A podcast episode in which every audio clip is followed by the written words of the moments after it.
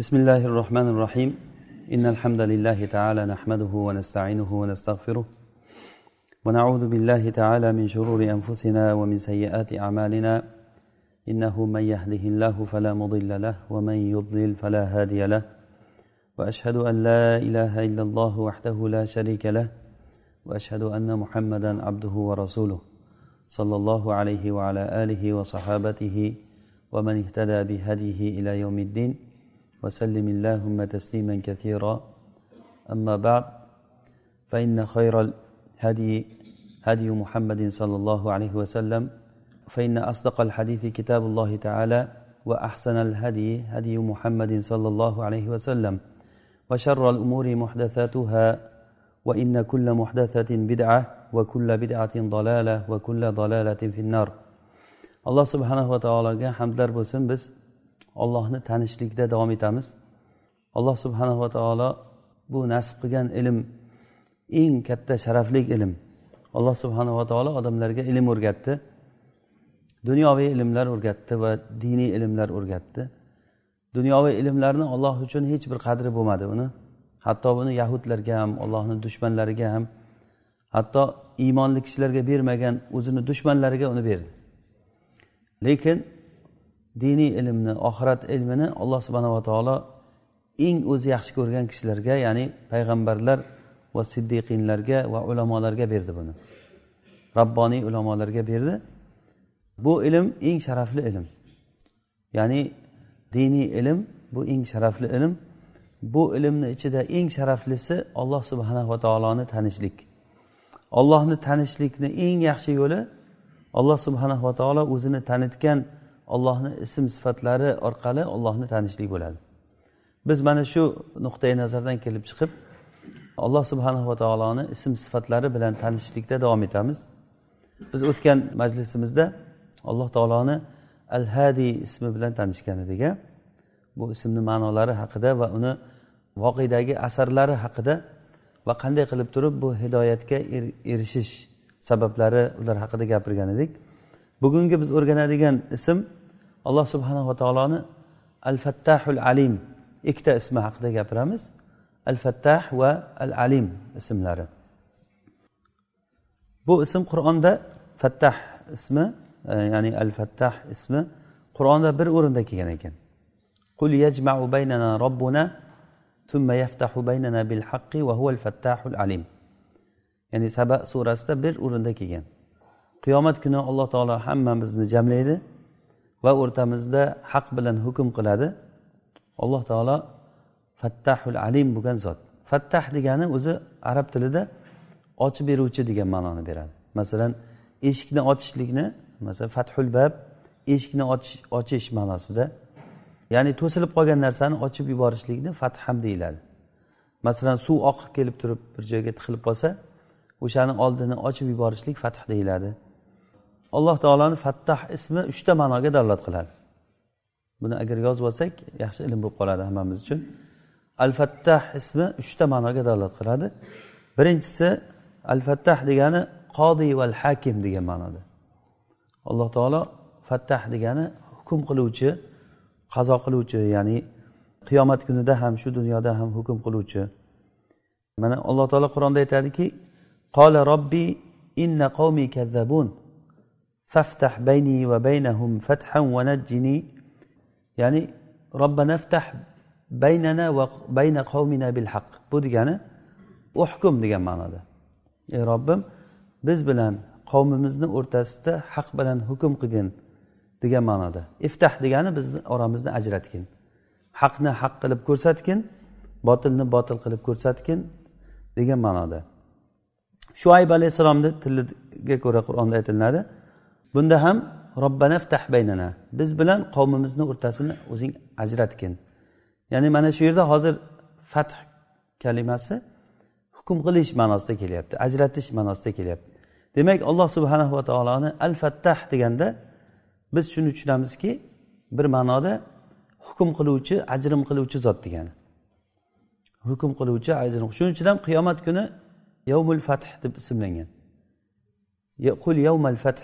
Ya'ni yovmul fath kunida alloh taolo bizni o'rtamizni o'zi jamlaydi va ajratadi degan ma'noda.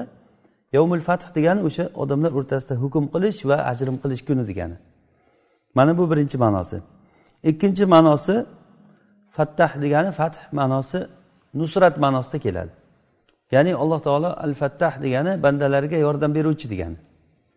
Yordam beruvchi nusrat beruvchi ma'nosida. Mana qur'onda keladi inna fatahna laka fathan mubina. Inna fatahna. Ya'ni biz rasulullohga aytyaptiki sizga ochiq bir g'alabani nasib qildik berdik degani. Fatham mubina degani ya'ni nasron nusrat bu. G'alaba. Ya'ni al fattah degani g'alaba beruvchi degan ma'noda nusrat beruvchi degan ma'nosi chiqar ekan. Birinchi ma'nosi nima bo'ldi? Birinchisi al qodiy al hakim qozi hukm qiluvchi hukm qiluvchi va o'rtani ajrim qiluvchi zot degani. Ikkinchi ma'nosi bu bandalarga yordam beruvchi degani.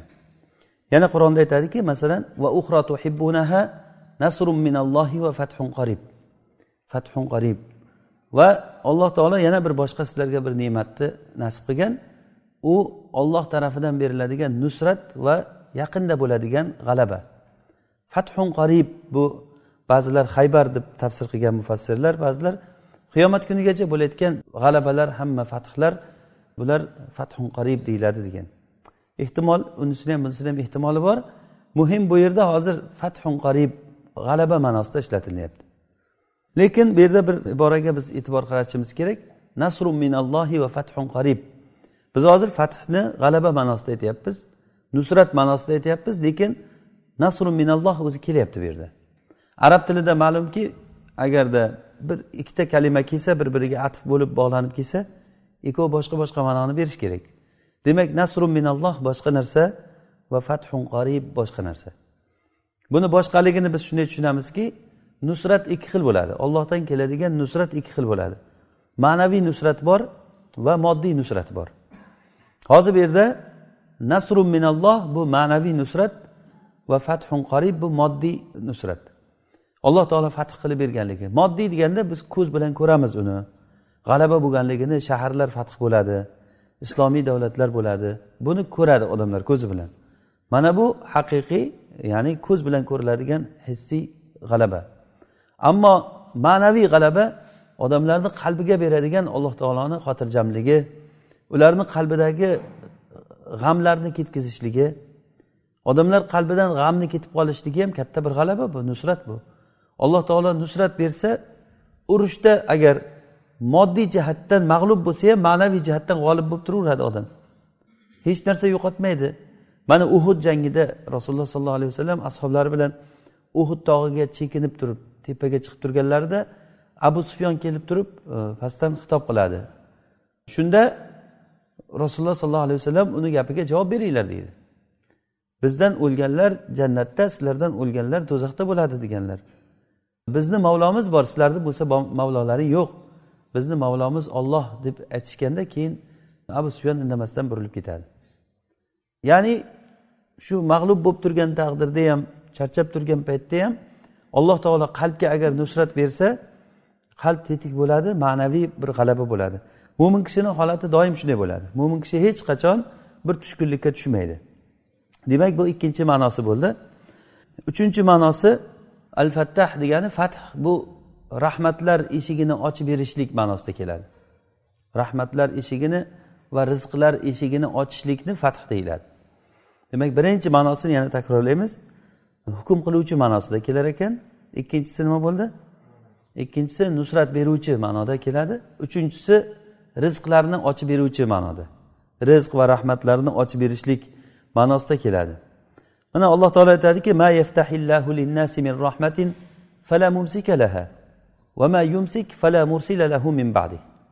Alloh taolo qaysi bir rahmatni agar odamlarga ochib qo'ysa uni hech kim ushlab qololmaydi mana shu yerda rahmatni ochib qo'yish degani bu umumiy rahmat bu. Alloh taoloni rahmatini demak rahmatni ochish ma'nosida keladi desak bo'lar ekan. Uchinchisini qisqa qilib. Ollohni rahmatini ochish degani. Ollohni rahmati nima? Ollohni rahmatini biz rohmanir rohim sifatlarini aytgan paytimizda allohni ismini va shu sifatlar haqida gapirganimizda aytgan edik. Rahmat bu biz uchun manfaatli bo'ladigan hamma narsa rahmat. Ollohni rahmati masalan rizq ollohni rahmati. Rizq ollohni rahmati. Masalan yunus surasida alloh taolo aytadiki falamma nasu ma bihi fatahna alayhim abwaba kulli shay. Ular ularga eslatilingan kitob va sunnatni ularga eslatilingan va'zlarni unutgan paytlarida unutdi. Odamlar unutishligi bu e'tibor bermadi amal qilmadi bosh ko'tarib bir qaramadi. O'shanday bo'lgan paytda alloh taolo ularga hamma narsani eshigini ochib yubordi. Abvaba kulli shay. Hamma narsani ya'ni rizqlarni eshigi ochildi ularga. Farzandlari ko'p bo'ldi moli dunyosi ko'p bo'ldi. Hozirgi kunda xuddiki masalan odamni ko'pchilik odamlarni hayotiga qarasangiz odam qo'rqadigan darajada alloh taolo juda katta bir eshiklarni ochib yuborgan. Fatahna alayhim abvaba kulli shay. Hamma narsani. Odam xuddiki oxiratga hech narsa qolmaganday ba'zi bir salaflar mana shu oyatlarni ma'nosi uchun yig'lar ekanki qiyomat kunida bizga qiyomat kunida aytilishidan qo'rqamizki sizlar dunyoda olayotganlaringni olib bo'ldilaring. Ularga ollohni oldiga borganda ular o'ylamagan narsalar zohir bo'ldi. Adhabtum tayyibatikum fi hayatikum dunya vastamta'tum biha. Sizlar dunyoda toyibotlaringni ketkizdinglar hamma narsadan foydalanib bo'ldilaring. Hech narsa qolmadi sizlarga deyilishidan qo'rqaman deb yig'lar ekanlar. Demak bu olloh taolo bir kishini azoblamoqchi bo'lsa ularga azob kelishligidan oldin ollohni sunnati shunday ekanki ularga hamma eshikni ochib yuboradi. Lekin bu yerda eshikni ularni foydasiga ochmaydi. Bu yerda bir narsaga e'tibor qarataylik. Fatahna alayhim abu kulshi alayhim degani ularni ziyoniga ochib yuborish degani. Fatahna lahum demayapti. Fatahna alayhim ularga ochib yuboradi. Lekin bu ochilishligi ularga istidroj bo'ladi. Odamlar aldanib qoladi.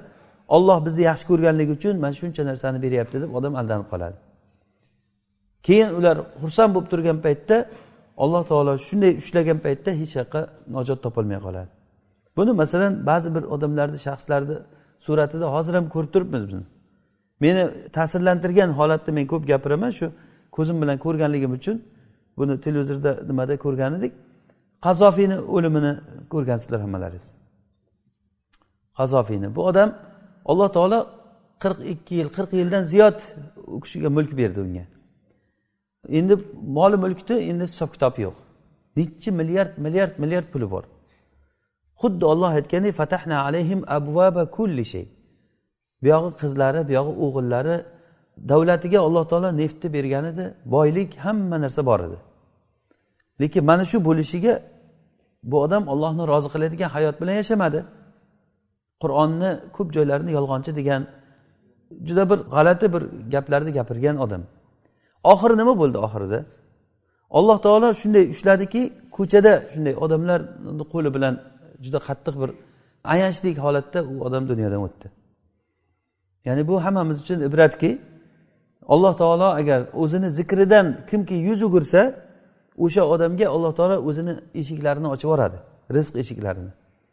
Keyin xursand bo'lib o'tirgan paytda alloh taolo shunday bir o'ylamagan joydan uradiki keyin qochib qutulolmaydi odam. Tavba qiladi o'zi tavba eshigi yopilgan bo'ladi. Olloh asrasin bu holatdan. E, demak uchinchi ma'nosi shu fath deganda ollohni rahmatini ochib ochishlik degan ma'noda kelar ekan. Keyin yana bir ma'noga bergan mulohaza qilamizki abu kulli shay degandan bu rizqni eshiklari bitta emas ekan. Ko'p. Masalan farzandlar rizq ahli ayol rizq yashaydigan uy joylar rizq minadigan markablar rizq. Hamma tomonini yaxshi qilib beramiz degani. Odamlar mana shu bilan aldanib qoladi.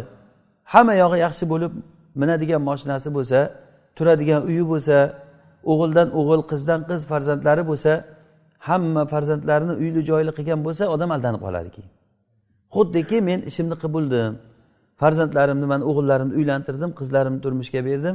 Hammasi yaxshi uvali juvali bo'lib yaxshi yashayapti deb aldanib qolishligi mumkin odamlar. Ko'p odam shu bilan aldanadi. Lekin bu billah yaxshilik emas yomonlikni alomati bo'lishligi ham mumkin. Buni yaxshi yomon bo'lishligini tarozusi odamni shu bugun qilayotgan amali. Agar shu bugun ollohni rozi qilayotgan amalni qilib turgan bo'lsa xursand bo'lsin alloh taolo bunga bu dunyoda ham yaxshilikni bergan bo'ladi inshaalloh. Agar ollohni rozi qilmaydigan amalni qilib balki ollohni g'azablantiradigan ollohni diniga teskari bo'layotgan ishni qilib turgan paytida ham olloh unga berayotgan bo'lsa ollohni nazari tushmasa bozorga baqqol bo'lolmaysan degan menga ollohni nazari tushgandirki mana shuncha ne'matlar menga bo'layotgandir deb odam aldanib qoladi. Mana bu narsa fitna bo'ladi. Ho'p yana alloh taoloni shu rahmat eshiklaridan biri ilm eshigi. Bu eng katta ne'mat. Ya'ni alloh taoloni fattah ismidan biz so'raymizki alloh taolo bizga ochib bersin ilm eshigini buni olloh subhanava taoloni shu fattah ismi bilan so'raymiz. Al fattah ismi bilan. Ya'ni alloh taolo o'zi fath qilib beradi ilmni. Biz hech narsani bilmas edik onani qornidan tug'ilgan paytimizda hammamiz bir xil edik. Hech kim hech narsa bilmaydi. Imom buxoriy bilan biz bir xil edik tug'ilgan paytimizda. Imom buxoriy bilan bir xil edik. Keyin o'lish paytidagi imom buxoriyni holati bilan boshqa bir o'sha zamondagi odamlarni taroziga tortib qarasangiz buxoriyga alloh taolo qancha narsani ochib bergan? Olloh biladi uni. Vallohu axrajakum min butuni ummahatikum la ta'lamuna shay'a. Ya'ni alloh taolo sizlarni onalaringni qonidan chiqardi. Sizlar hech narsani bilmasdinglar. La ta'lamuna shay'a hech narsani. Nimani biladi? Chaqaloq tug'ilgan chaqaloq nimani biladi? Lug'atni bilmaydi gaplashishlikni biror ish qilishni bilmaydi olloh fitriy o'rgatgan ollohni hidoyati bor onasini emish kun ko'rish o'shanaqangi bir fitriy hidoyat bor kecha darsimizda aytgan narsalar lekin boshqa bir narsani bilmaydi. Keyin olloh subhanava taolo unga ilm o'rgatdi. Mana shu ilm unga fath qilganligi bo'ladi. Alloh taolodan so'raymizki o'zi foydali ilm o'rgatsin bizga. alloh subhanava taolo eng minnat qilingan odamlarga ne'matni minnat qilish o'rnida rahmat o'zini rahmatini eslatish o'rnida alloh taolo aytadiki laqad mannallohu alal mu'minina إذ بعث فيهم رسولا من أنفسهم يتلو عليهم آياته ويزكيهم ويعلمهم الكتاب والحكمة alloh taolo haqiqatda laqot deganligi qasam bilan keladi bu lom kelsa bu tavdiatun lil qasam deyiladi. Ya'ni vallohi degan ma'noda. Ollohga qasamki olloh bandalarga yaxshilik qildi. Qachon? Ularni ichlaridan payg'ambar yuborgan paytda. U payg'ambar uni hislati payg'ambarni xususiyati shuki yatlu alayhim ayatihi. U payg'ambar ularga ollohni oyatlarini tilovat qilib beradigan va ularni poklaydigan ularni amallarini shirkdan poklaydi. Ularni so'zlarini shirkdan fahsh ishlardan poklaydi. Ularni qalblarini poklaydi. Hayotini poklaydi ularni. Yuzakkihim va ularga yuallimuhumul kitaba val hikma. Ularga kitobni ya'ni oyat ollohni oyatlarini kitobni o'rgatadi va hikmatni ularga o'rgatadi. Va inkanu min qablu lafi mubin. Ular bundan oldin ochiq zalolatdagi odamlar edi. Hech narsani bilmaydigan odamlar edi. Bir paytlar biz shunday emasmidik hech narsani bilmasdik. Alloh robbil alamin bizga shunday katta ne'matni berdiki o'sha ne'mati mana shu majlislarda dars qilib ollohni o'zini taniydigan majlisda o'tirishligimiz. Vallohi bu majlislar nihoyatda barakalik majlis deyiladi. Ollohni o'zini tanish uchun o'tirgan majlis bu majlislarga farishtalar tushadigan majlis inshaalloh. Farishtalar shu majlislarni izlab yurib bu hadis sahih hadislarda kelgan alloh taoloni aylanib majlislarni izlab yuradigan farishtalari bo'ladi. Bir ilm majlisini topsa o'sha joyga kelib o'tirib ilm tinglab o'tiradi farishtalar. Demak bu ilm ne'mati nihoyat darajada katta ne'matki alloh subhanahu va taolo buni odamlarga payg'ambar orqali yuborganligini minnat qildi. Va qiyomat kunigacha alloh taoloni bu minnati qoladi. Odamlarga payg'ambardan keyin payg'ambarlarni merosxo'rlari odamlarga ollohni kitobini tilovat qiladigan odamlarni qalb kasalliklaridan tozalashlikni o'rgatadigan rabboniy ulamolarni alloh taolo odamlarga nasib qilib chiqaradi. Chiqaradi. Kimdir foydalana oladi kimdir foydalanolmay bu narsa tugab ketaveradi. Hayot mana shu tartibda ketaverar ekan. Ilmni o'rganib qolinglar. Alloh taolo ilmni olib qo'yishdan oldin ilm o'rganib qolinglar. Ilmni alloh taolo odamlardan sug'urib olib qo'ymaydi lekin ilmni ulamolarni o'lishligi bilan oladi. Agar ulamolar o'lsa keyin odamlar o'zlariga johil bo'lgan odamlarni o'zlariga peshvo qilib oladi. Keyin ular ilmsiz so'ralinib ilmsiz fatvo beriladi. O'zlari ham adashadi o'zlari ham halok bo'ladi boshqalarni ham halok qiladi degan rasululloh sollallohu alayhi vasallam.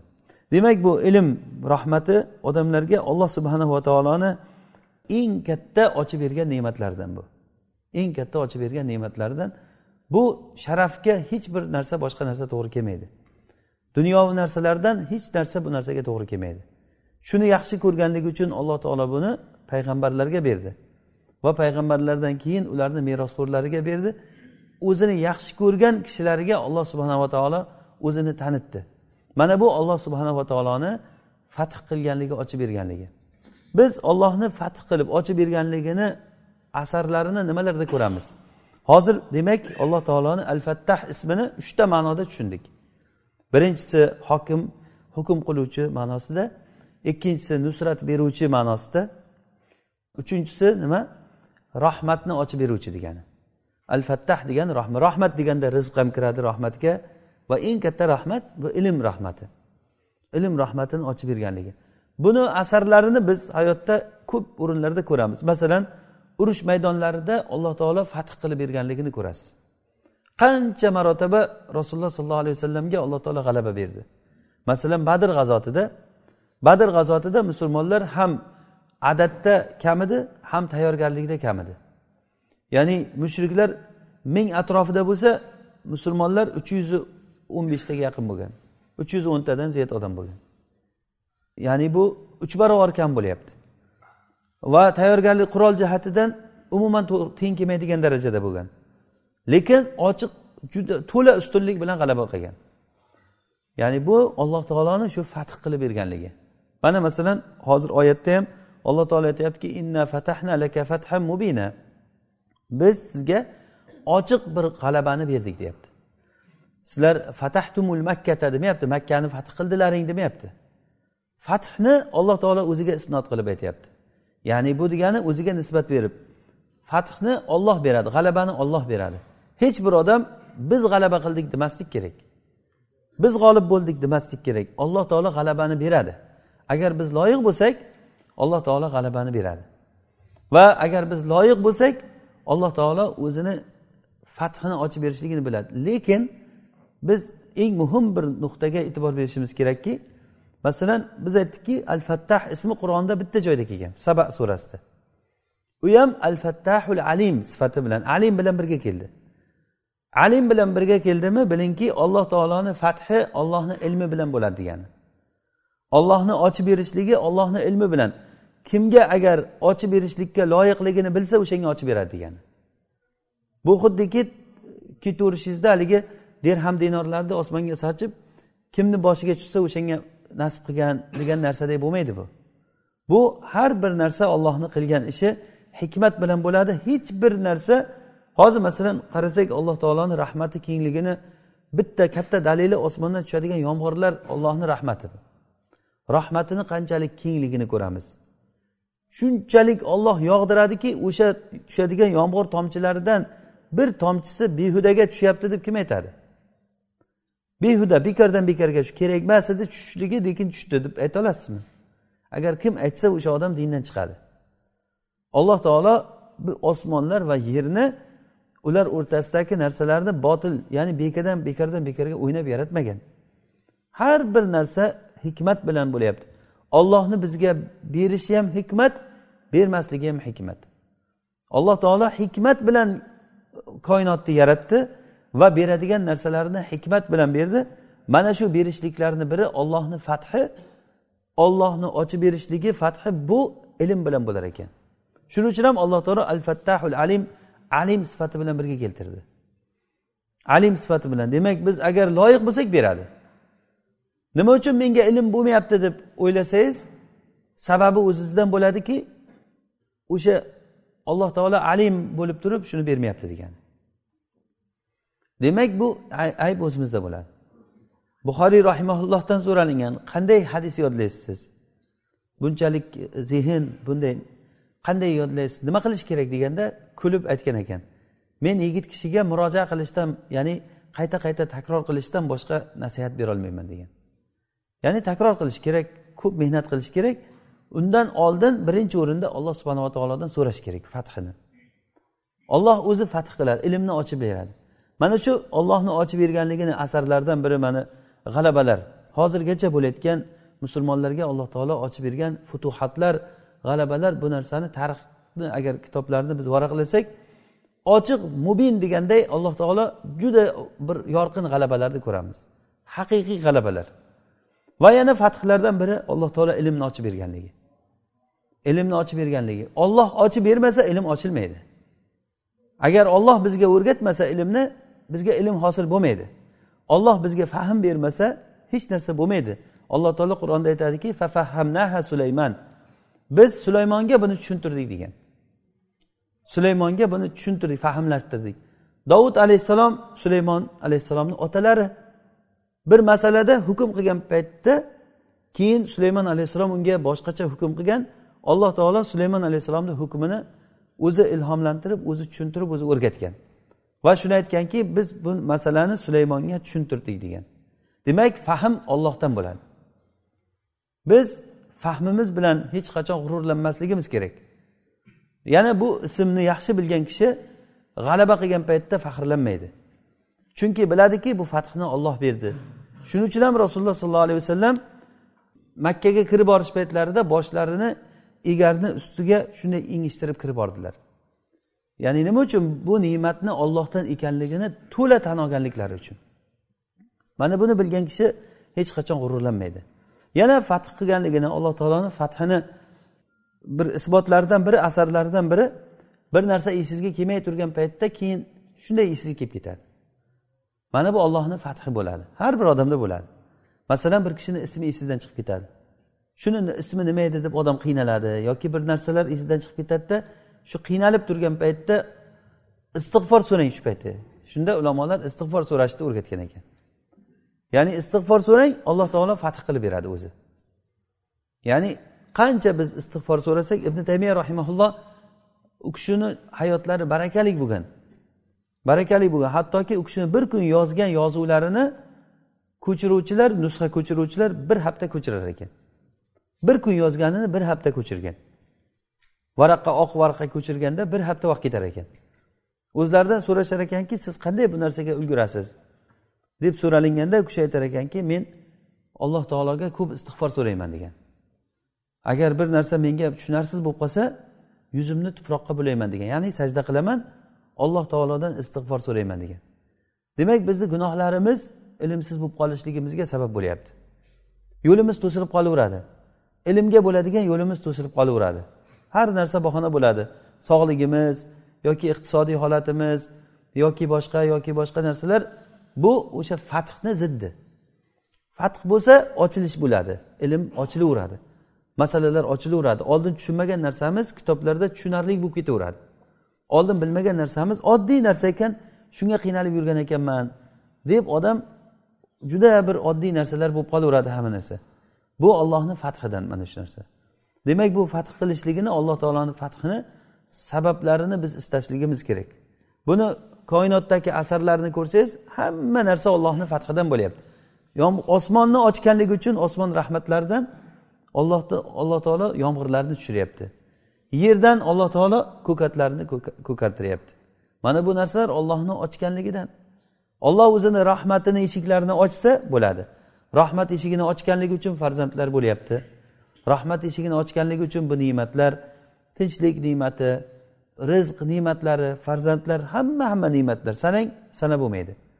Mana shu narsalar hammasi alloh taoloni fathidan bo'ladi ochib berishligidan bo'ladi. Demak bu ismni bilan sifatlanishlikdan bu ismni o'rganishligimizdan bizga sulukiy bir bu bizni hayotimizda katta foyda bo'layotgan narsa kibrlanmaslik bo'ladi. O'sha kibrlanishlik daraxtini sug'urib tashlaydi bu ismni yaxshi o'rgangan kishi.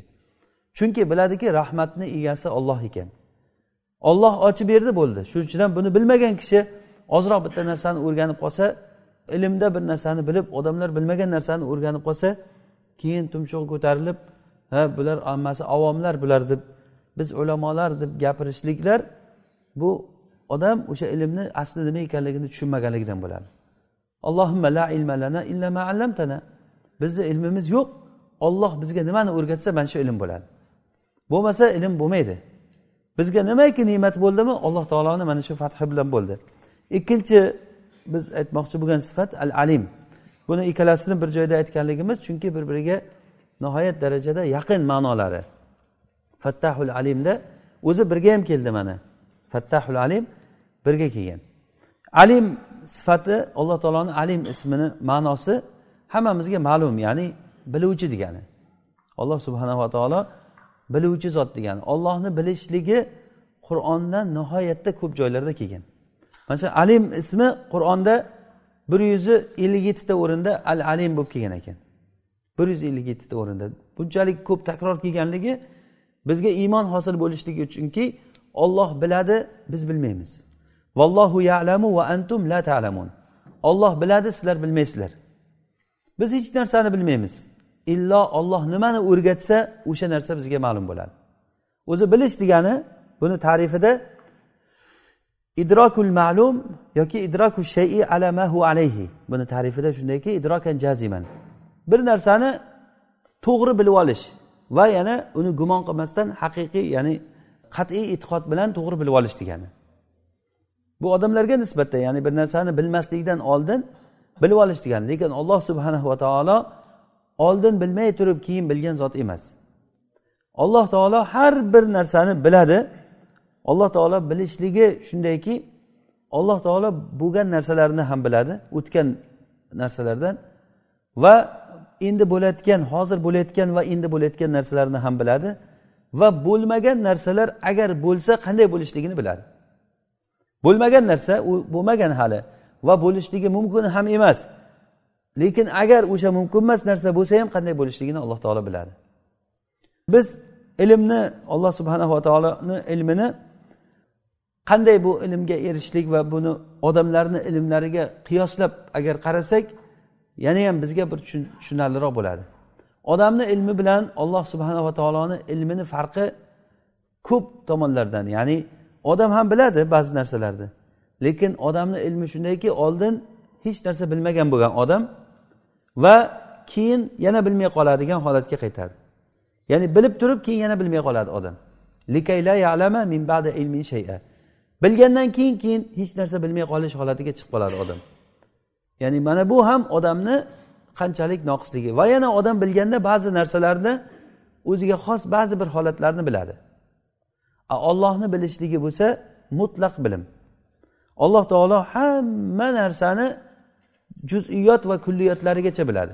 Ba'zi bir adashgan toifalar olloh subhanava taolo kulli narsalarni biladiyu juz'iyotlarni bilmaydi degan. Ya'ni mayda chuyda narsalarni bilmaydi degan.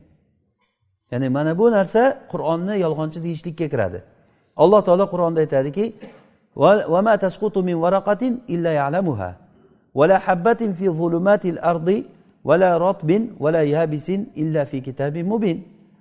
ya'ni birorta bir daraxtni bargi tushmaydi illo olloh o'shani biladi.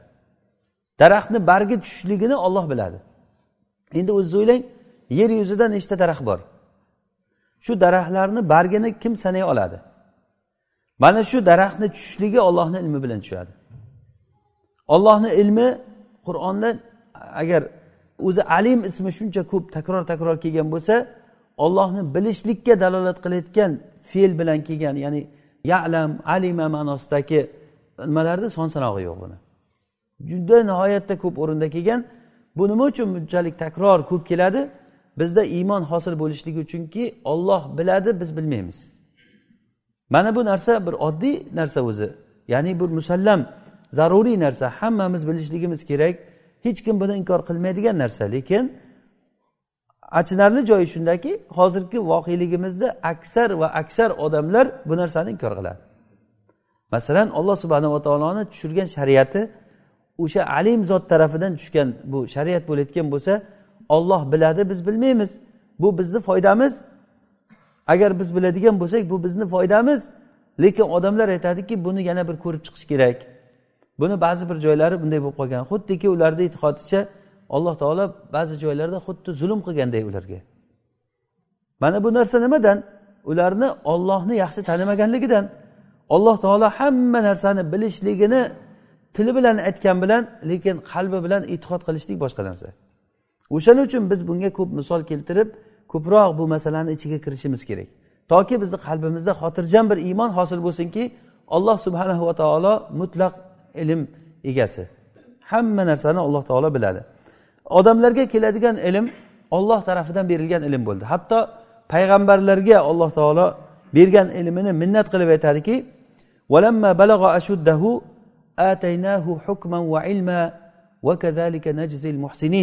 mana muso alayhissalomga alloh taolo bergan ilmini maqtab aytyaptiki muso alayhissalom balog'atga yetgan paytda biz unga ilm va hukmni berdik. Hukm ya'ni haq bilan nohaq o'rtasini ajrata olishlik. Ya'ni ilman va hukma ilmni va hukmni unga berdik ataynahu hukman va ilma va kadalika najzil muhsinin. Biz yaxshilik qiluvchi odamlarni mana shunday jazolaymiz. Demak muso alayhissalomga alloh taoloni bergan bu ne'mati u kishini muhsinligi sababli bo'lyapti. O'zi aslida alloh taolo tanlagan payg'ambarlarni va o'sha payg'ambarlarni tanlagan odamlarni qarasangiz bekordan bekorga tanlamagan ekan alloh taolo deysiz. U kishini holatlari ehson ya'ni yaxshilik qilishlik bo'lgan. Mana qasos surasida u kishini biz qissasini aytib bergan edik. Madiyanga borgan paytda birinchi qilayotgan ishi o'sha madiyanda nima qildilar? Haligi ikkita qiz e, qo'ylarini sug'orolmay turgan paytda qo'ylarini sug'orib bergan suvdan. Ya'ni ehson bilan işte, hayotda ehson bilan boshladilar. O'zi u kishini misrdan qochib chiqib ketishligini sababi ham ehson edi o'zi. Bir isroiliy bilan qibitiy urushib turgan joyida isroiliy qibtiyni ziyoniga muso alayhissalomdan yordam so'ragan muso alayhissalom yordam beraman desa haligi odam muso alayhissalomga tashlangan. Shunda himoya uchun bir urgan paytda ollohni qadari bilan odam o'lib qoldi. Shu bilan mana shu holat u kishini misrdan qochib chiqib ketishligiga sabab bo'ldi. Alloh taolo aytyapti u kishini muhsin deb muhsinin. Demak biz uchun eng katta rahmat hozir mana alloh taoloni fattoh ismida aytdikku eng ollohni rahmatini kattasi ilm. Mana shu ilm va hukmni berishligi uchun buni kimga beramiz deyapti alloh taolo? Va najzil muhsinin. Buni muhsinlarga beramiz deyapti. Agar kim bu ne'matga erishishlikni xohlasa muhsin bo'lsin. Xuddi shu nimani? Yusuf alayhissalomni haqida ham aytgan. Ya'ni yusuf alayhissalom ham balag'a ashuddahu ataynahu hukman va ilma va kazalika najzil muhsinin. Xuddi shu ma'no yusuf alayhissalomga ham aytilingan. Alloh taolo bergan u kishiga ham. Demak mana bundan biz bilamizki ilm alloh taoloni odamlarga beradigan katta bir ne'mati bu. Alloh taoloni beradigan ne'mati. Lekin olloh ilmi bilan bandani ilmini agar biz solishtirib ko'rsak o'shanda biz bilamizki alloh taoloni ilmi qanchalik katta ekanligini. Buni dalili buni dalili hazir alayhissalom bilan muso alayhissalomni voqeasi. Bo'lmasa hazir alayhissalomga alloh taolo qancha ilm bergan? Hattoki shunchalik u kishini ilmi kattaligidan muso alayhissalomga aytilindi. Muso alayhissalomdan bir kishi so'radiki ey ollohni rasuli bu dunyoda eng olim kishi kim? degan sizdan boshqa olim kishi bormi? deganda yo'q degan. U kishi ollohu alam demadilar ollohni qadari bilan. Payg'ambar bo'la turib u kishi ollohu alam deyishlikni unutdilar. Ya'ni muso alayhissalom aytmoqchilarki men bilmayman endi payg'ambar bo'lgandan keyin ollohni vahiysi shu kishiga tushib turgandan keyin ilm men orqali o'tadi degan ma'noni aytdilarda u kishi. Ya'ni mendan boshqasini bilmayman. Yo'q deganlarida alloh taolo u kishiga itob qildiki ey muso bir joyda bizni bir bandamiz bor u sendan ko'ra olimroq degan. Ollohu alam demaganligi uchun. Keyin muso alayhissalom aytdiki ey robbim menga unga yo'l ko'rsatgin boray o'shandan ilm o'rganay. Qarang payg'ambarni holatini. Mana bunday bo'lishi kerak. Kishi haligi al muhsin bo'lgan haqiqiy ehsonga yaxshilikka intilgan odam sendan olim bir kishi bor desa o'sha bilan borib turib albatta uchrashib shundan ilm o'rganish kerak bo'ladi. Biz bitta shaharda yashab o'zimizdan qancha ilmli olim kishilar bilan bir davrda yashadik ular dunyodan o'tib ketdi bir borib ko'rishmadik bir qo'lini ushlab qo'ymadik deydiku. Mana bu bizni kamchiliklarimizdan. Men buni aytaman bu narsa yana takrorlanmasligi uchun hammamizga. Ya'ni agar bir shaharda bizni yetib borishligimiz iloji bor bo'lgan holatda bir shaharda bo'lmasin boshqa shaharda bo'lsin ham agar shunga yetib borishlikni iloji bor bo'lgan joyda bir ilm bo'lyapti ekan deb eshitsangiz sizdan olim kishi bor ekan deb eshitilinsa albatta o'shandan foydalanish kerak. Yana hozirgi kunda bu borish vositalari ham juda osonlashib ketdi va bormasdan turib foydalanish vositalari ham ochilib ketdi. Bu ollohni fathidan bu. Mana shu internetlarni ochilishligi ollohni fathi bu. Olloh ochib berganligi uchun bir joyda o'tirib gapirayotgan gapi odamniki dunyoni narigi boshida hozir eshitilinadi bu alloh taoloni fathidan ochib berganligini bir asari hozir birinchi darsda aytganimiz. Demak biz mana shu xulqni o'rganishligimiz kerak. Muso alayhissalom aytdiki robbim menga yo'l ko'rsatgin o'sha odamga borib o'rganayin keyin voqea uzun. Bilasizlar muso alayhissalom bordilar hizr alayhissalomni oldiga uchrashdilar. Men senga ergashib yuray ilm o'rgatgin deganda hizr alayhissalom aytdilarki men bilan yurishlikka senga sabr yo'q. Sabr qilolmaysan degan. Chunki sen o'zing bilmagan narsaga sabr qilolmaysan degan. Muso alayhissalom aytdiki men inshaalloh sabr qilaman chidayman. Bo'lmasa sharti shuki men bilan birga yursang nima nima uchun qilding deb bir ishni so'ramaysan savol bermaysan degan. Tamom kelishdik degan. Shu bilan uzun voqea bilasizlar. Ikkalari birga yurdilar kemaga mindilar. Undan keyin bir bolani hizr alayhissalom o'ldirdilar. Undan keyin bir devor yiqilib yotuvdi devorni tikka qilib qo'ydilar. Hammasida muso alayhissalom aralashib qo'ydi. Chunki u kishiga aralashmasdan turib um bo'lmayotgan ishni qildida shunday ketishliklarda bir bolacha o'ynab yurganda ushlab shunday kallasini uzib otib yuborgan hizr alayhissalom. Bu nima qilganing bu? Hech bir aybsiz bolani o'ldirib qo'ydingku.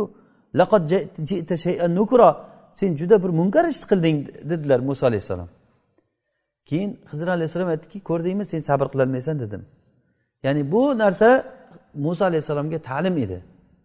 Sabr qilishligi kerak edi u kishini. Alloh rasululloh sollallohu alayhi vasallam aytadilar alloh rahm qilsin birodarimiz musoni agarda sabr qilganda yana ko'p ajoyibotlarni bilib qolardik deganlar. Bu rasulullohni ham ilmga tashnaliklaridan yana qiziqadilarki bu nima bo'lgan ekan davomi? Agar yana sabr qilganda yana boshqa bir voqealarni biz voqifi bo'lardik deb. Endi aytmoqchi bo'lgan joyimiz shuki keyin ikkalasi o'tirganlarida bir chumchuq kelib turib daryodan og'zi bilan og'zi bilan oladi suv ichib.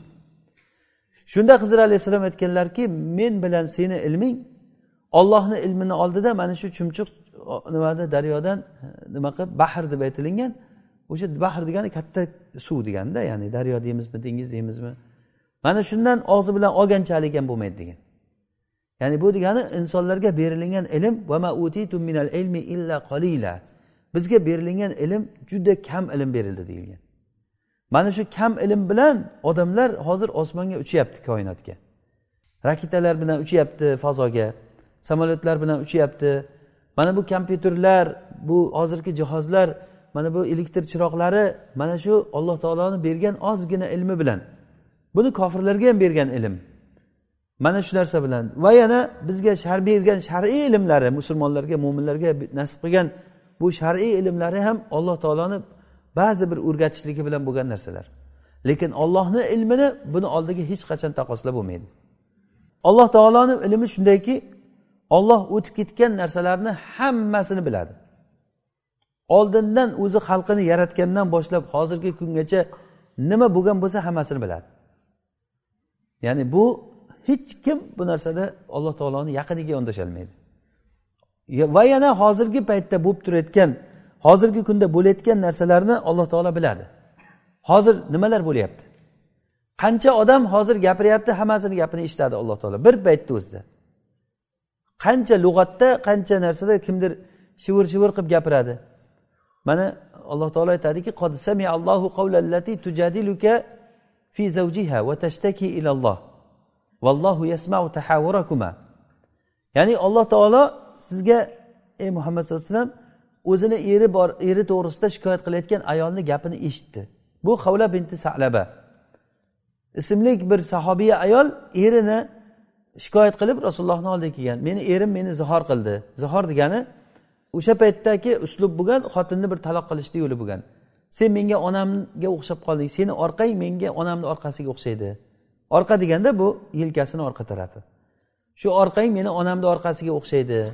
Yoki seni o'zing anti alayya kazohri ummi sen menga xuddi onamni orqasidaysan degani bu taloqsan degan ma'noda bo'lgan. Erim shunday dedi deganda rasululloh taloq bo'libsan desalar yo'q men nimaga taloq bo'laman? Meni yoshim o'tgan paytda nega taloq qiladi meni? Men unga bola tug'ib berdim yoshlik umrimni o'tkazdim. Endi men qarib qolgan paytimda men keragim bo'lmay qoldimi unga. Nega taloq qiladi meni deb rasululloh taloq bo'libsan bo'ldi gapni ko'paytirmagin endi sabr qilgin deb gapirsalar yo'q deb u rasululloh bilan mujodala qilgan. Shu bitta uyda hujrada kichkinagina hujra oysha onamiz aytadilarki subhanalloh uy kichkinagina uyda uni gapini ba'zisini men eshitib ba'zisini eshitmayapman.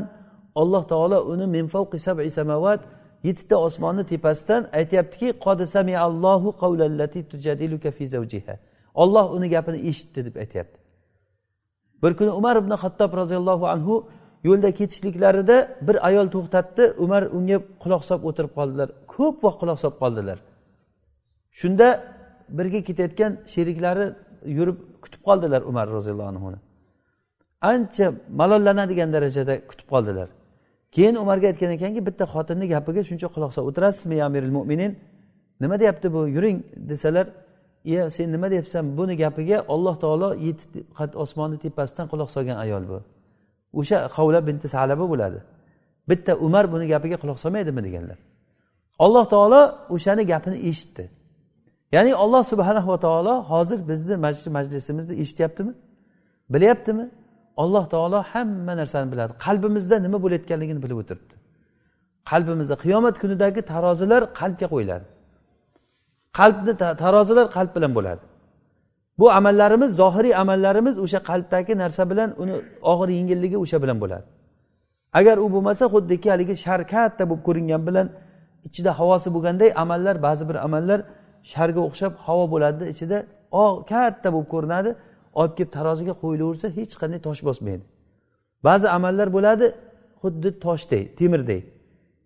Ozgina ozgina amal bo'lsa ham olib kelib taroziga qo'ysa bir mingta sharni bir tomonga qo'yib turib buyog'iga bitta toshni qo'ysangiz gurs kirib bir tomon bosib ketaveradi.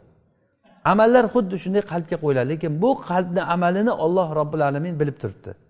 Hamma narsani bilib yozyapti bala va rusuluna ladayhim yaktubun. Ular aytishdiki alloh taolo bizni ba'zi qilgan amallarimizni bilmaydi deb. Yo'q alloh taolo aytadiki va rusuluna ladayhim yaktubun. Olloh biladi va bu bilishligini ustiga yana farishtalarga yozdirib ham qo'yibdi. O'zi asli yozdirmasa ham bo'lardiku. Lekin alloh taoloni hikmati shuni xohladiki farishtalarga biror bir gapimiz qolmaydi yozadi. Qalbimizdagi o'ylagan narsalarimiz qalbimiz bilan qilgan amallar o'shalarni ham yozadi hammasini. Buni olloh robbil alamin bilib turibdi. Alloh taolo kelajakda bo'layotgan narsalarni biladi. Qiyomat kunida nimalar bo'ladi? Qiyomat kunida kimlar jannatga kirib ketadi? Kimlar do'zaxga kiradi? Buni hisob kitobi olingan. Mana buni alloh taolo yeru osmonni yaratishligidan ellik ming yil oldin mana shu bo'layotgan narsalarni yozib lavhul mahfuzga bitib qo'yibdi. O'sha lavhul mahfuzda har bittamizni ismimiz bor. Har bittamizni ismimiz. Hech odam o'ylamasinki mendan g'aflatda qoladi olloh deb o'ylamasin. Odam ko'pchilik odamni ko'rgan paytda odamni tabiati shuda masalan ko'pchilik bo'lgandan keyin ha bitta men nima bo'libman meni ko'rmayapti deb o'ylaydi. Lekin ollohga bu gumonni qilmang odamlarga qilishligi mumkin odam lekin ollohga bu gumonni qilmaslik kerak. Alloh taolo buni bilishligini bir necha joylarda takror va takror aytdi. Munofiqlar ichlaringdan sidirilib sidirilib chiqib ketayotgan munofiqlarni alloh taolo biladi dedi. Ya'ni musulmonlarni jamoasini ichida o'tiradida sekin chekkaroqdan rasulullohga ko'rinmasdan shunday yuqib qoladi munofiqlar kechqurun namozi bilan xufton namozi bilan bomdod namoziga chiqmasdilar. Chunki chiqmagani bilinmasdi. Qorong'i edi svet yo'q edi. Qorong'i bo'lgandan keyin kim keldi kim ketdi bilinmaydi. Odam ozdir o'zi madinada. Lekin oz bo'lgani bilan masalan mana shuncha jamoat bo'lsak ham aytaylik masalan kim kelmasa qorong'i bo'lsa bilinmaydiku kimlar keldi desa hech kim bilmaydi. Aynan xufton bilan bomdodda qorong'i bo'lgan bilinmaganligi uchun kelmagan. Ular o'ylaydiki odamlar bilmayapti deb o'ylaydi. A bular g'aflatda qolishdiki olloh bilib turibdiku bu hamma narsani. Mana shu uchun alloh taolo buni takror va takror aytadiki olloh biladi olloh biladi. Agarda sizlarni munofiqlarni alloh taolo ularni ayblarini ochib berdi. Ular sayahlifuna billahi lakum idan qalabtum ilayhim litu'ridu anhum. Rasulullohga aytyaptiki hali g'azotdan qaytishda yo'lda alloh taolo oyat nozil qildiki madinaga qaytib borsangiz ular sizga kelib turib qasam ichadi hali. Sizni rozi qilishlik uchun bo'ldi ularga siz bo'ldi e'tiborsiz qarashligingiz uchun qasam ichadi deb aytuvdi. Xuddi olloh aytganidek ular kelib turib qasam ichdi rasulullohga. Vallohi biz chiqmoqchi edik. Asli unday edi asli bunday edi. Alloh taolo ularni hammasini ayblarini ochib ochib ochib berdi. Hali ular uzr so'ramasdan turib ularni uzrlarini mana shunday deb aytadi ba'zilari bunday deb aytadi ba'zilari bunday deb aytadi deb aytib berdi. Bu narsa alloh taolo kelajakda bo'layotgan narsalarni bilishligiga ochiq xabarlar bular. Mana bu isboti bilan bo'ldi bu. Xuddi olloh aytganday bo'ldi. Alloh taolo shunday biladigan zot masalan kecha biz hodiy ismini aytish paytimizda chumolilar haqida gapirdik. Chumolilar haqida gapirdik. O'sha chumolini so'zini alloh taolo bildimi? Chumoli aytyapti chumolini aytgan gapini alloh taolo odamlarga aytib berdik mana qur'onda. Qolat namlatu ya ayyuhan namlu masakinakum la yahtimannakum sulaymanu va junuduhu va hum la yash'urun. La yahtimannakum deb aytyapti sulaymon va uning askarlari sizlarni bosib yubormasin deganini hatoma kalimasi bilan o'zi hatoma kalimasi sindirib yubormasin degan lug'atda o'zi. Buni ijozil ilmiyda hozir isbotlandiki chumolini badani sinib ketadigan badan ekan. Xuddi shishani kukuniga o'xshab turib bosgan paytda ezilib ketadigan. Ana shuni xatm deyiladi. Alloh taolo buni qur'onda aytib qo'ydiki sizlarni sulaymon oyog'i bilan sulaymon va askarlari oyog'i bilan sizlarni sindirib o'tib ketmasin degan ma'noda bunday aytsak. Uni hozir ijazi ilmiyda bu isbotini topdiki chumolini gavdasi sinib ketadigan titilib ketadigan modda ekanligi.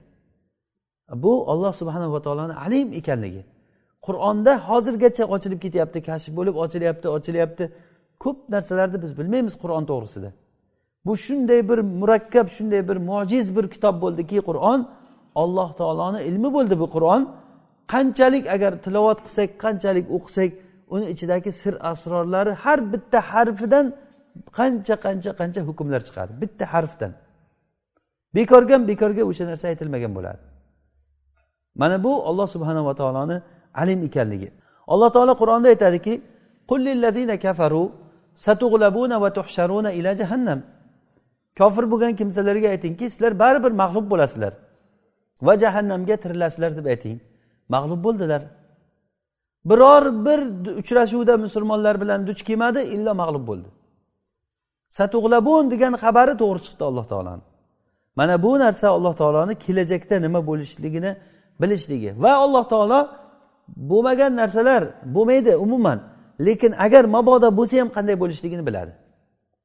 Masalan qur'onda aytadiki do'zax ashoblari to'g'risida ular do'zax ashoblari do'zaxga kirgandan keyin ey robbimiz bizni do'zaxdan chiqargin tavba qildik. Agar dunyoga qaytargin bizni agar shundan keyin ham kufrga qaytib ketsak biz zolim bo'lamiz unda haqli bo'lamiz. Qaytargin deb so'rasa alloh taolo ularga aytadiki agar ular qaytarilsalar dunyoga yana o'zlarini kufrga qaytib ketadi deyapti. Buni olloh biladi uni. Uni ularni tabiatini alloh taolo biladi.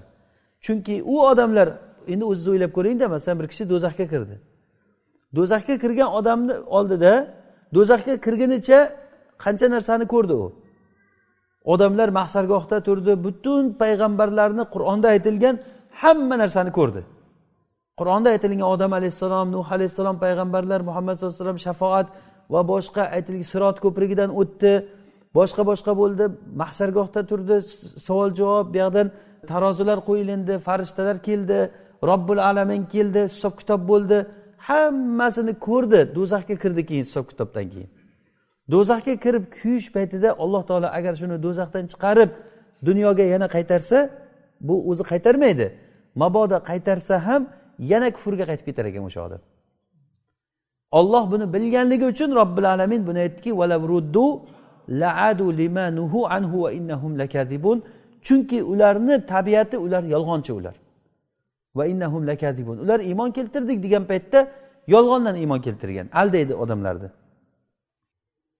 Alloh subhanava taoloni ilmini asarlarini biz bilishligimizga o'zi aytib o'tayotgan narsa emas bu. Faqat eslatma uchun aytamiz. Alloh subhanava taoloni ilmini biz butun koinotga qarang ilmini ko'ring. Koinotni yaratilishligiyu undagi daqiq hisob kitoblar va ollohni shariati. Ollohni kavniy qonunlari va shar'iy qonunlari bu alloh taoloni ilmiga dalolat qiladi. Va yana alloh subhanava taoloni azomatiga ilmini buyuk ekanligiga dalolat qilayotgan narsalardan biri odamlarda ilmni yo'qligi yoki bo'lsa ham ollohdan kelganligi va noqis ilm ekanligini alloh taolo ko'rsatib qo'ydi. Masalan masalan sulaymon alayhissalom sulaymon alayhissalom qancha alloh taolo u kishiga ilm bergan qancha imkoniyat bergan. Masalan jinlar u kishiga bo'ysungan edi. Dengizni tagidagi gavharlarni jinlar olib chiqib berardi. Hozirgi davrda masalan shuncha ilm rivojlandi degan paytimizda texnika rivojlangan paytda mana yaqinda malayziyani samolyoti yo'qolib qoldi. Hech kim bilmaydi hayron hamma qayerga ketdi shuncha katta narsa. Odami bilan samolyot katta butun boshli samolyot yo'q. Qayerga ketgan dengizga tushib ketdimi boshqa bo'ldimi? Taxminlar ko'p. Unday bunday taxmin. Keyin bir joylardan bir samolyotni siniqlari chiqdi dengizdan. Shuncha katta boshli samolyot yo'q. Endi faraz qiling shu sulaymon alayhissalom hozir shu paytda bo'lib qolsa edi o'sha kuchi bilan. Samolyot qayerga yiqildi ekan desa jinlarga aytadi topinglar deydi. Borib topib keladi samolyotni hamma narsasini. Yig'ishtirib olib keladi. Masalan shuncha katta kuch bo'lgan. Lekin o'sha kishini haqida alloh taolo qur'onda bir ajib bir qissani aytib beradi. Sulaymon alayhissalom shunchalik ilmi zo'rligidan soldatlarini hammasini bilishligidan tashqari hudhudni yo'qolib qolganligini ham bildilar.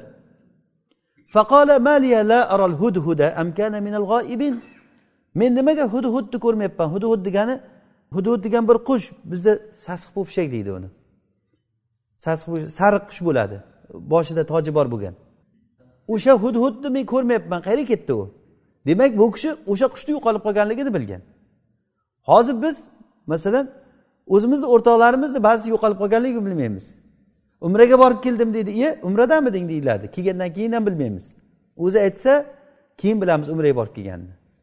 Masalan u kishi o'sha qushni yo'qolib qolganligini bilgan. Uni men azoblayman degan. Hatto demak azoblayman deganligi qushlar u kishini hisob kitobi bilan yurgan ruxsati bilan borgan qayerga borsa ham. Yo bo'lmasa menga bitta yaxshi hujjat uzr olib kelsa keyin men uni kechiraman deganlar.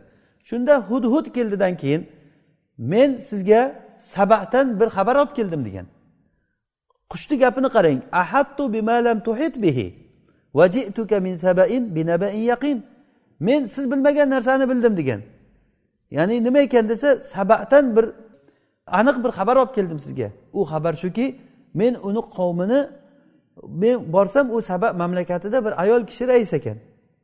Va u qavmi bilan birga hammasi ollohni qo'yib quyoshga sajda qilishar ekan. A quyoshga sajda qilguncha donni chiqarib qo'ygan ollohga sajda qilishmaysanmi degan. Donni deb aytganligi chunki u kishi uni qiziqtirgan narsa don. O'zini ovqatini aytgan. Ya'ni donni o'stirib qo'ygan ollohga sajda qilmaydimi degan. Hud hud bilgan narsani sulaymon alayhissalom o'sha paytda bilmagan. Hud hud bilgan narsani. Ya'ni bu deganiki alloh subhanahu va taolo mutlaq alim zot sulaymon alayhissalomday shunday imkoniyat bergan kishilar ham ko'p narsalarni bilmagan. Yoki ibrohim alayhissalom masalan allohni halili vahiy tushgan qancha ilm sohibi masalan ibrohim alayhissalom. U kishini uylariga mehmonlar kelgan paytda mehmonlar bir chiroyli yigitlar suratida farishtalar keldi. U farishtalar ikkita vazifa bilan kelgan. Biri ibrohim alayhissalomga farzand bilan bashorat berishlik ikkinchisi lut alayhissalomni qavmini yakson qilishlik. Biri xursandchilik biri yomonlik xabari.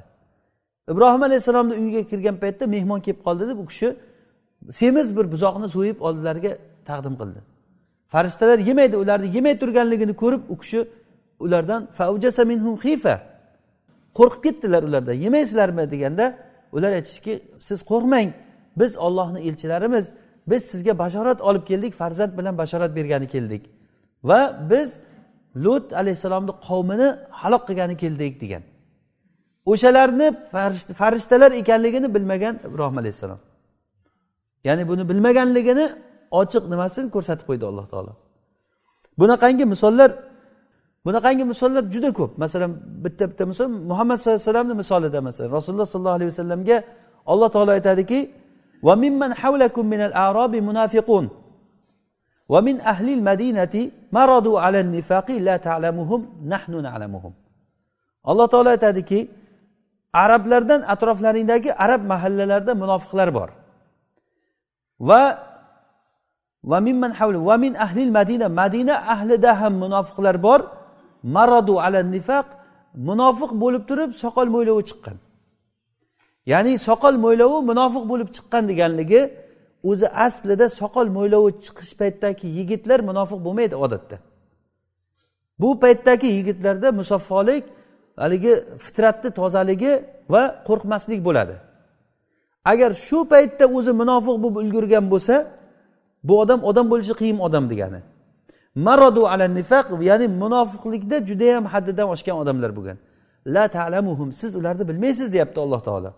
Nahnu nalamuhum biz ularni bilamiz dedi. Demak muhammad sollallohu alayhi vasallam ba'zi munofiqlarni bilmaganlar. Munofiq ekanligini bilmaganlar. Nahnu nalamuhum biz ularni bilamiz deyapti.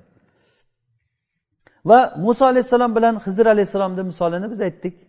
Muso alayhissalom shuncha ulul azmdan bo'lgan payg'ambar bo'la turib qancha narsalarni bilmadilar. Hattoki sabr qilolmadilar keyin oqibatini aytgandan keyin hizr alayhissalom mana buni bu uchun qildim mana bu ishni mana bu uchun qildim degandan keyin uni hikmatini bilgandan keyin to'g'ri qilgan ekan degan fikr keladi. Demak xulosa shuki alloh subhanahu va taolo mutlaq alim zot alim zot alloh taolo fattahul alim bo'lgan zot. Biz alloh subhanava taoloni mana shu ismlari bilan so'raymizki alloh taolo bizga o'zini rahmatini ochib bersin. alloh taolo ilm eshiklarini rahmat eshiklarini bizga ochsin alloh taolo o'zi bizga foydali ilmlar bersin سبحانك اللهم وبحمدك نشهد أن لا إله إلا أنت نستغفرك ونتوب إليك صلى اللهم وبارك على عبدك ونبيك محمد عليه الصلاة والسلام